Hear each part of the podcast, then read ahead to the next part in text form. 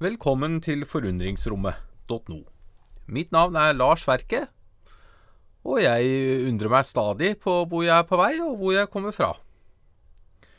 Vi er nå kommet fram til kapittel fire i boka Himmeljorden, som er skrevet av Per Ingvar Haukeland.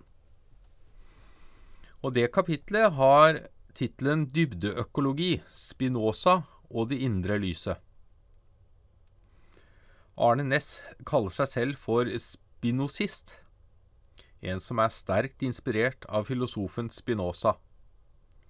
Næss sin tolkning av Spinoza er én av mange, men jeg finner den til gjengjeld svært inspirerende, og med en klar relevans til kvekere. Her skal jeg trekke frem noen sammenhenger mellom dybdeøkologi, Spinoza og det indre lyset. Da vi arbeidet med boka Livsfilosofi i 1998, hadde vi mange gode samtaler om Spinoza. Jeg ble da mer oppmerksom på sammenhengen mellom Spinozas filosofi og det jeg oppfatter som sentralt i kvekernes religiøse syn. Senere har jeg hatt gleden av å lese mer om forholdet mellom Spinoza og kvekere gjennom den strålende boka Lyset på lysestaken, Kvekforlagets småskrifter i 2004, som Ines Bohn har tilrettelagt. At Spinoza hadde kvekere, kollegianter, menonitter og andre fritenkere i sin vennekrets, er ikke overraskende, og det er mange elementer i hans filosofi som er beslektet med det de tidlige kvekerne sto for. Han har annet et lignende syn på Bibelen som kvekere har noe vi ser fra hans Traktatus Theologico Politicus fra 1670. Ved en senere anledning håper jeg å gå mer i dybden av dette åndelige slektskapet, men her skal jeg begrense fokuset til en side ved Spinozas filosofi som har inspirert Arne Næss og mange andre i den dybdeøkologiske bevegelsen. Det er spesielt Spinozas syn på Gud og naturen som har inspirert mange men også hans tanker om forholdet mellom fornuft og følelse. I hans hovedverk Etikken, som ble publisert posthumt i 1677, skriver Spinoza om to typer følelser.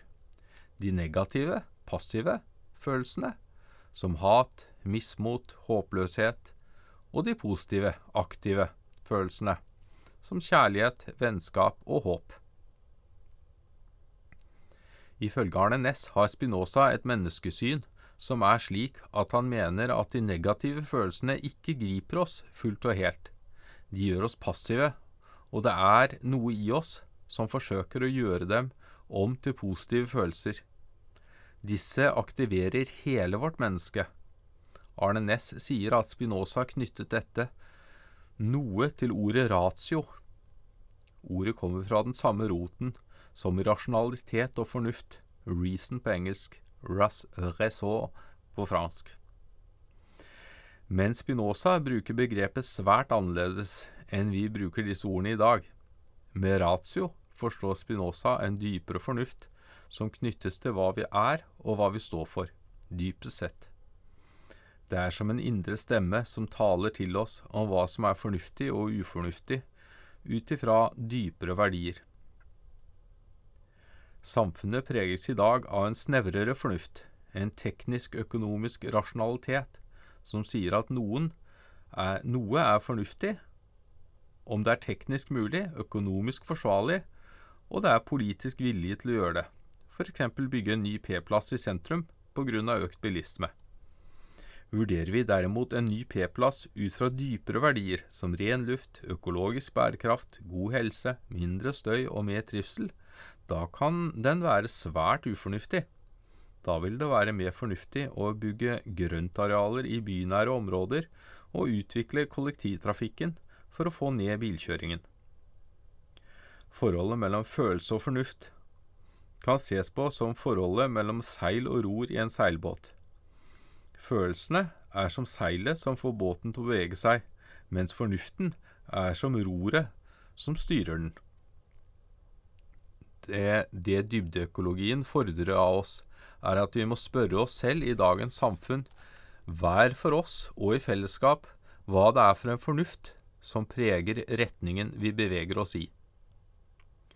Arne Næss sin tolkning av det Spinoza kaller ratio, ligger svært nær det jeg opplever kvekere snakker om når de bruker uttrykket 'det indre lyset' eller 'det av Gud i mennesket'. Jeg finner det også igjen i ordet logos, som blir brukt i Johannes 1.1. I begynnelsen var Ordet, og Ordet var hos Gud, og Ordet var Gud.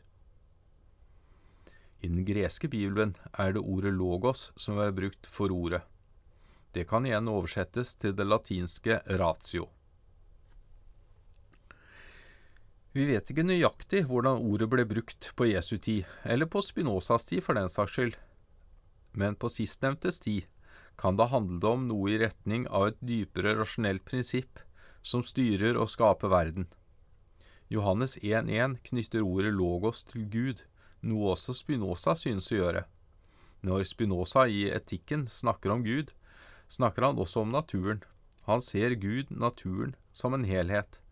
Han bryter ned, bryter med den kartesiske, etter Descartes dualismen, som skiller himmel og jord, og kropp og sjel, Gud og naturen, og snakker i stedet om helhet. Det har gjort sitt til at noen har tolket han som en panteist. Gud er alt. Men ifølge Arne Næss er han mer en panenteist å regne det vil si at han ser noe av Gud i alt. Når Spinoza snakker om naturen, gjør han en distinksjon mellom natura naturans, den skapende natur, og natura naturata, den skapte natur. Han knytter sitt budskap til det skapende i naturen, og samtidig ser han at det er noe av Gud, en skapende kraft, i ethvert levende vesen. Vi kan bare forstå to attributter av hvem Gud er, det sjelelige og det fysiske. Men Gud har en uendelig mengde attributter og er i siste instans hele skapelsen. Gud er altså ikke et vesen som en gang skapte verden, men Gud er den levende og skapende kraften som virker her og nå, i oss og i naturen. Det skapte, natura naturata, er det fysiske uttrykket for denne skaperkraften. Sjelen og kroppen eksisterer ikke i to forskjellige verdener, som Descartes påsto, men de er inderlig forbundet til hverandre. Vi kan ikke forstå Gud, sier Spinoza, uten gjennom naturen og enkeltindividene som uttrykk for Gud. Vi er ikke i Guds hender, vi er Guds hender. Hos Spinoza knyttes ratio til det skapende prinsipp som aktiverer de positive følelsene, og som styres av ratio i retning av dypere verdier som kjærlighet, vennskap, frihet og glede. Spinoza framhever at jo mer vi lever etter ratios anvisninger, jo mer vil vi leve i frihet og glede. Tilsvarende belyser det indre lyset hvem vi er dypest sett. Det viser oss vårt sanne jeg, og hvilke muligheter vi har til å være en skapende og positiv kraft i verden. Hvordan tales så ratio, og hvordan lyser det indre lyset? Spinoza knyttet dette an til vår intuisjon, noe mange kvekere også vil gjøre med hensyn til det indre lyset. Spinoza skriver at den høyeste form for erkjennelse er en kjærlighetsdrevet intuitiv erkjennelse av Gud, amor intellectualis dei, det er gjennom intuisjonen at Gud taler til oss i vårt indre, noe vi kjenner gjennom de positive følelsene. Det er også en annen måte å tenke intellektuelt intellekt enn den snevre forståelsen vi har i dag, og som gjerne knyttes til IQ-tester. Det har nok mer med det Blaise Pascal en gang sa, hjertet har sin forstand som fornuften ikke forstår. Klarer vi å handle ut ifra intuisjon, blir vi årsak til vår egen utvikling, noe Spinoza forbinder med økt frihet, en indre ro og dyp glede. Ness snakker om dette som en form for aktivhet, ikke aktivitet. Man kan være i full aktivitet uten at hele ens vesen er med, mens aktivhet er når man ledes av den dype gleden og de positive følelsene. Det kan, ikke, det kan det ikke bli nok av. Hos Spinoza brukes begrepet konatus om en streven og lengsel etter å være i Gud. Når vi nå har gjort oss avhengige av vaner, systemer og strukturer som tar oss vekk fra oss selv som en skapende kraft i livsveven, vil en lengsel vokse frem i oss etter å, etter å komme tilbake til oss selv, til det av Gud i oss. Jeg har av og til tenkt på dette i forbindelse med fortellingen om Jesus i Getsemane natten før han ble tatt av de romerske soldatene. Han ba noen av sine disipler om å våke med han, men alle sovnet. Han var menneskelig sett alene, naken fremfor tilværelsens brutale sider, og han ba Gud om å få slippe, men så sier han, Ikke som jeg vil, men som du vil. Nå har vi ikke anledning til å belyse denne fortellingen fra alle sider, men jeg fikk det for meg at det Jesus her sier, det sier han til seg selv, eller rettere til det av Gud i seg. Han ser at det er rett det han skal gjøre, og selv om jeg er redd, vender han seg til noe dypere i seg selv, til sitt sanne jeg, og sier, som du vil. Guds vilje kan oppfattes som vår dypeste vilje, og følger vi denne, øker vi frihet, ifølge Spinoza. Jo mer vi er i Gud, jo mer er vi i oss selv, dypest sett, og jo friere er vi. Tolker vi da Gud som noe utenfor oss, forstår vi det mange har problemer med i forhold til determinisme, den frie vilje og ytre styring, men oppfatter vi Gud som noe i oss som knytter seg til hvem vi er, dypest sett, ja, da forstår vi frihet på en annen måte. Jeg tror flere av oss opplever en frihet i å gjøre det som er rett, mens vi hele tiden er fanget i de såkalte frie systemene, som for eksempel det frie markedet.